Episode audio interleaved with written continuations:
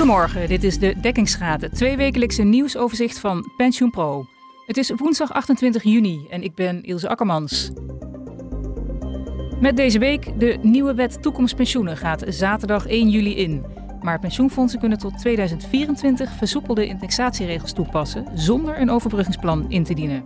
Hiertoe verlengt minister Schouten het besluit dat indexeren bij een beleidsdekkingsgraad vanaf 105% mogelijk maakt. Tweederde van de deelnemers in DC-regelingen heeft een beperkte premieinleg van 10% of minder. Dat blijkt uit onderzoek van de Autoriteit Financiële Markten naar de grijze vlek. De groep werknemers die wel een pensioenregeling heeft, maar met een beperkte opbouw. En voor gepensioneerden beperkt pensioenfonds Philips de indexatie dit jaar tot 4%. Na de hoge inflatie van afgelopen jaar wil het pensioenfonds de maximale indexatie beperken om met een buffer te kunnen invaren naar het nieuwe stelsel. Met mij in de studio zijn vandaag Olaf Bosman en Chibbe Hoekstra, allebei redacteur van Pensioen Pro. En Maarten van Wijk, hoofdredacteur. Welkom allemaal. Dankjewel. Dank je. Hoi. Olaf, we beginnen bij jou met de ontwikkelingen rond de nieuwe wet Toekomst Pensioenen. Die gaat aanstaande zaterdag 1 juli in. Wat betekent dat concreet? Ja, concreet betekent dat er dan nieuwe regels gaan gelden voor de pensioenen. En dat, uh, nou ja, als je het heel, heel toespits op, uh, op wat jij net uh, inleidde van de, van de indexatie Pensioenfondsen kunnen nu uh, gebruik maken van versoepelde indexatieregels. En als ze dat vanaf uh, komende zaterdag willen doen, dan zouden ze eigenlijk uh, voor 1 september een overbruggingsplan moeten indienen bij de Nederlandse Bank. Mm -hmm. En dat overbruggingsplan, nou ja, daar beschrijven ze dan in hoe ze dan ja, binnen enkele jaren weer voldoende vermogen hebben. Het geldt dus een overbruggingsplan geldt voor pensioenfondsen die nu een herstelplan hebben ja. moeten indienen omdat ze niet voldoen aan de eisen voor uh, het eigen vermogen. Ja. Nou, fondsen hoeven nu niet voor 1 september al een overbruggingsplan in te dienen. Waarom is dat? Nou, dat is omdat uh, een Kamerlid van het CDA, Hilde Palland, dacht dat uh, dat voor sommige fondsen te vroeg komt. Mm. En zoals het nu in de wet staat, uh, betekent het uh, dat als fondsen dan niet zo'n plan indienen, zij geen gebruik kunnen maken van de versoepelde regels voor indexatie. Ja. Die gelden in de overgang uh, nou ja, na het, hè, tot, het, tot het invaren. Mm. Dat zijn die versoepelingen, die, nou, die, geldt, die geldt al anderhalf jaar of zo. Dat is toen op verzoek van de, van de Kamer gebeurd om voor ons al wat, wat ruimte te geven met, met het oog op, op de komst van, van het herziene stelsel. Ja. Zo door de blik van de nieuwe regels naar uh, ja, het verhogen en verlagen van pensioenen kunnen kijken. Mm -hmm. Ja, goed. En het idee was van, ja, goed, hè, die, die wet gaat op 1 juli in. Fondsen weten dat ze dan uh, voor 1 september een overbruggingsplan uh, moeten indienen. En dan is die, zeg maar, dat besluit met die soepele indexatieregels is dan niet meer nodig. Hè, de fondsen hadden ook al voor 1 april bij DNB uh, moeten aangeven van hey, wij zijn van plan uh, een overbruggingsplan uh, in te dienen. Ik heb DNB nog gevraagd hoeveel fondsen dat zijn, maar op die vraag heb ik nog geen antwoord gekregen. Maar ik verwacht dat dat alle fondsen zijn die op dit moment niet voldoen aan de eisen voor het vereist eigen vermogen. Ja. Nou, minister Schouten schoof vorige maand op verzoek van de Eerste Kamer de uiterste datum voor de overstap naar het nieuwe contract met een jaar op naar 1 januari 2028. Waar is dat extra jaar voor bedoeld? Dat is bedoeld uh, voor de uitvoering, dat, uh, nou ja, dat dan meer uh, ruimte is om het invaren allemaal goed netjes te regelen. Mm -hmm. En niet voor het maken van de, van de plannen, zeg maar. Niet voor een transitieplan of een implementatieplan. De deadlines die daarvoor staan, die blijven gewoon, blijven gewoon gelijk. Ja. En het, in het debat in de Eerste Kamer waarin Schouten die toezegging deed, was eigenlijk impliciet al duidelijk dat uh, dat alleen voor de uitvoering zou zijn. En zij mij heeft dat nu uh, expliciet uh, gemaakt. Ja. En er was onvrede bij verschillende Kamerleden over het verdwijnen van restitutie bij het nabestaande pensioen. Wat gebeurt daar nu mee? Ja, voorlopig niks. Schouten heeft een toezegging gedaan dat ze nog, en dan met name op verzoek van Christoffer van de SGP, die was in een debat vorige week in de Kamer daar het felste over. Nog het kijken wat er, of er misschien toch nog mogelijkheden eh, zijn. De restitutie is wat er gebeurt op het moment dat een, um, een deelnemer overlijdt voordat hij zijn pensioendatum heeft bereikt. Dan staat er natuurlijk een pensioenvermogen staat er klaar. Um, en wat nou normaal, dan vervalt in principe dat pensioenvermogen. Ja, sterftewinst. Dat, ja, dat heet dan sterftewinst uh, voor het pensioenfonds. Um, dus dat krijgen die nabestaanden niet. En dat werkt op zich ook al zo bij een pensioenfonds natuurlijk op dit moment. Als iemand overlijdt, dan gaat hij dat pensioen niet krijgen. Dus dan gaat het geld naar het fonds. En in plaats daarvan krijg je dan een nabestaande pensioen. Maar dat is iets heel anders wat je zeg maar, zo van apart verzekerd hebt.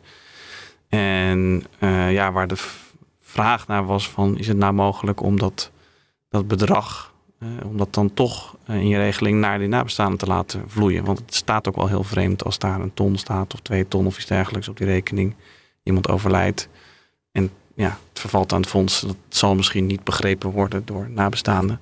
Dus nee, en ja, misschien is het dan goed om nog expliciet te maken dat die restitutie alleen mogelijk is bij echt DC-regelingen, zeg maar. En niet uh, bij een regeling bij een, uh, bij een ja. fonds. En dat, ja, dat klopt. Dat verandert dan straks, omdat krijgt, iedereen krijgt een pensioenvermogen. En dan zie je van, hé, hey, er is zoveel staat er voor, uh, voor mij. En dan, als die dan overlijdt, ja. en dan zien de nabestaanden kijken die papieren en denken, hé, hey, ja. stond twee tonnen, dat, is, dat verdampt dan. Uh, ja, precies. Ja. want dat gaat natuurlijk heel erg, al, het wordt allemaal DC en je ja. gaat dat in het nieuwe stelsel, ga je dat dus, wordt het heel erg uh, zichtbaar. Um, nou ja, goed, dat, dat was, de, de vraag was of dat in ieder geval mogelijk gemaakt kon worden. Dat, dat, dat je dan een regeling zodanig maakt dat het richting de nabestaanden gaat. En dat, um, nou, dat, is, uh, dat was een verzoek uit de Eerste Kamer, was dat, van de ChristenUnie, oh, de motie van de ChristenUnie. En dat is allemaal uitgebreid onderzocht. Um, en dat wordt dan eigenlijk ton, toch niet uh, mogelijk. Ja, het gaat de wilde eigenlijk niet aan. Hè? Nee, nou ja, Stoffel die, van de SGP die in de Tweede Kamer die vond dat Schouten uh, nou ja, het minder uitgebreid had onderzocht dan een motie had gevraagd in zijn ogen. Dus daarom moeten ze nu, uh, nou ja, ja. zeggen ze oké, okay, we gaan het doen. En nou, er komt na het zomerreces nog een, een vervolgdebat over die restitutie op verzoek van. Leon Dion van de PVV. Schouten verwacht niet dat ze al dan al antwoord heeft op, uh, ja, op, die, die, op de vraag. Ja. Laten we naar ons tweede onderwerp gaan. Dankjewel Olaf en Maarten ook. Maarten, blijf hiervoor even bij jou. Van deelnemers in DC-regelingen, beschikbare premieregelingen, heeft 65% een beperkte premieinleg van 10% of minder. Dat blijkt uit onderzoek van de Autoriteit Financiële Markten naar de grijze vlek. De groep werknemers die wel een pensioenregeling heeft, maar met een beperkte opbouw. Maarten, daarin heb jij verdiept samen met collega Jaya Ottenhoff. Wat betekent dit? Ja, nou ja, dit is een onderzoek wat de AFM een tijdje uh, geleden al had aangekondigd. Het is een vervolg op een uh, onderzoek, of dat eigenlijk gaat naar de witte vlek. Van de witte vlek wordt al, uh, dat zijn eigenlijk de mensen in Nederland die, die werken, maar geen, helemaal geen pensioenregeling hebben. Hmm. dat zijn er ongeveer 800.000. En daar worden dus allerlei plannen van aanpak gemaakt, zeg maar, om dat ja, die witte vlek kleiner te maken, zoals ze het dan noemen. Daarnaast heb je ook nog de mensen met een, die wel op zich een pensioenregeling hebben, maar die eigenlijk heel mager is. Dus daar zit wel iets van pensioenopbouw in, maar dat is eigenlijk zo weinig dat je zo meteen niet genoeg hebt om een rustig pensioen van te genieten. En we wisten eigenlijk nooit precies hoe groot die groep dan eigenlijk is. En daar heeft de AFM een poging gedaan om dat te onderzoeken. Nou, daar hebben ze gekeken naar DC-regelingen in eerste instantie, want daar viel de verdenking toch wel een beetje op dat dat de merendeel van dat soort magere regelingen uh, beschikbare premieregelingen zijn. Mm. En nou, van de miljoen deelnemers die er zijn, blijken er 650.000, waar minder dan 10% ingelegd wordt van het pensioengevend salaris mm. uh, aan premie. En dat is wat de AFM zegt, uh, dat is, vinden wij beperkt. Ja, dat draait tot een relatief beperkte pensioenopbouw, is, is een boodschap. Ja. En dat is meer dan, nou ze zeggen zelf dat het tegenvalt. Maar het is een grote groep. Ja, dat is een grote groep. Er zitten wel, een, uh, het is ook 200.000 jongeren onder. Mm -hmm. Uh, bij jongeren is dat op zich al, als je naar, nou goed, technische termen in de premiestaffels. en als je dan met name in het verleden 3% of 4% staffels, dan was dat niet zo, was wel redelijk gebruikelijk dat jongeren minder premie inleggen en ouderen meer. Um, maar dan zegt de AFM toch van zelfs bij jongeren denken wij dat 10% premie ja, een beetje weinig is. De AFM heeft ook bekeken in hoeverre DC-regelingen de fiscale ruimte benutten. Wat houdt dat in? Welk beeld komt daar dan uit naar voren? Ja, dat is net, weer net iets andere manier om ernaar te kijken. Je kan gewoon domweg naar de absolute premie kijken, maar je kan ook kijken van in hoeverre wordt de ruimte die de fiscus biedt. Je hebt een soort een fiscale maxima heb je op pensioenopbouw. Nou, maak je die, maak je die volledig vol of, of niet. nou, er blijkt dan een heel groot verschil te zitten, met name tussen DB-regelingen, dus middelloonregelingen bij pensioenfondsen en DC-regelingen. Als je naar de DB-regelingen gaat kijken, uh, dan blijkt dat uh, daar gemiddeld 91% van de fiscale ruimte wordt benut. En wat is de fiscale ruimte bij een DB-regeling? Dat is een opbouw van 1,875 hmm. uh, procent per jaar. Sinds een aantal jaren is dat zo. nou, en bij DC is dat veel minder. Daar wordt eigenlijk gemiddelde deelnemer gebruikt, maar 36 procent van zijn fiscale ruimte. En dan is ook weer de vraag van wat is dan de fiscale ruimte bij DC? Want daar kan je wel verschillende ideeën over hebben.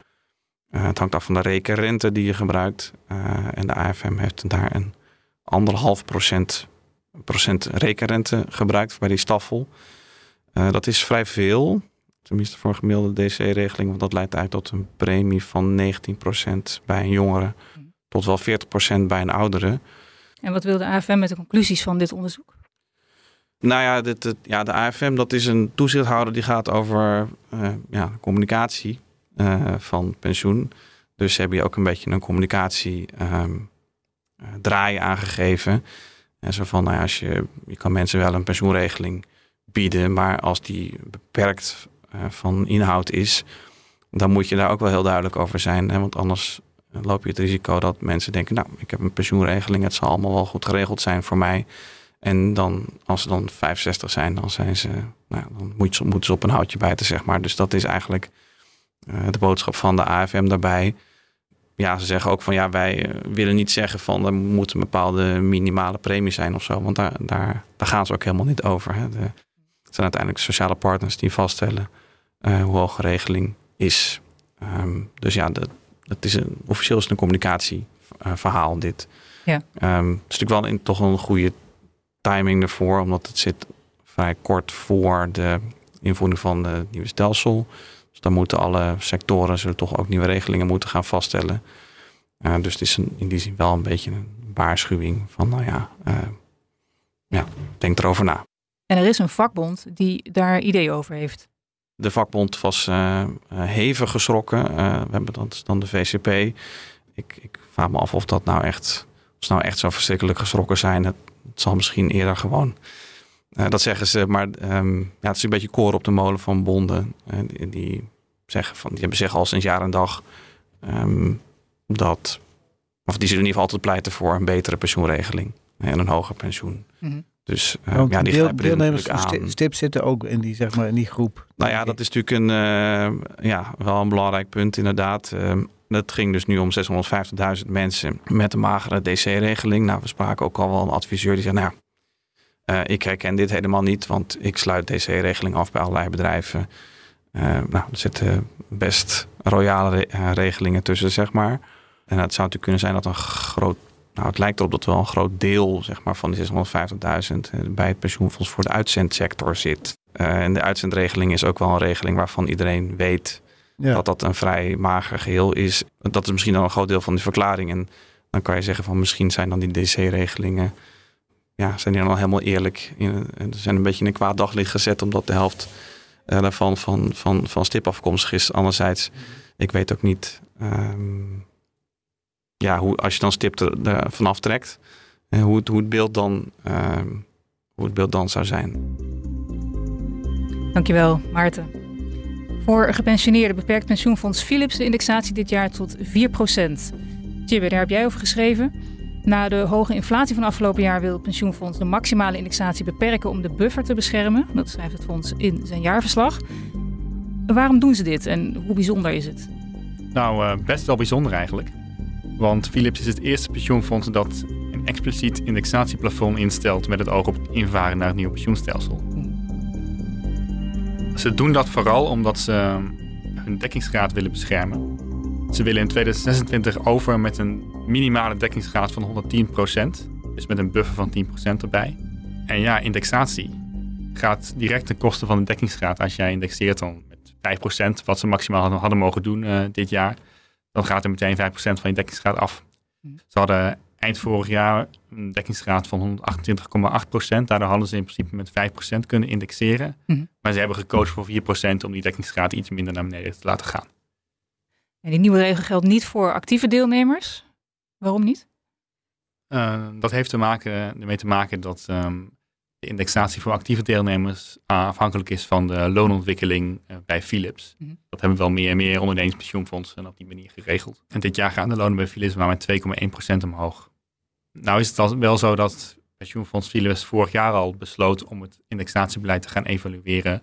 Omdat in 2022 door die hoge inflatie het verschil in indexatie tussen gepensioneerden en slapers enerzijds en actieven anderzijds wel heel erg groot was. Mm. Daar voelt ze zich ook niet goed bij. Dat heeft ook een rol gespeeld hierbij.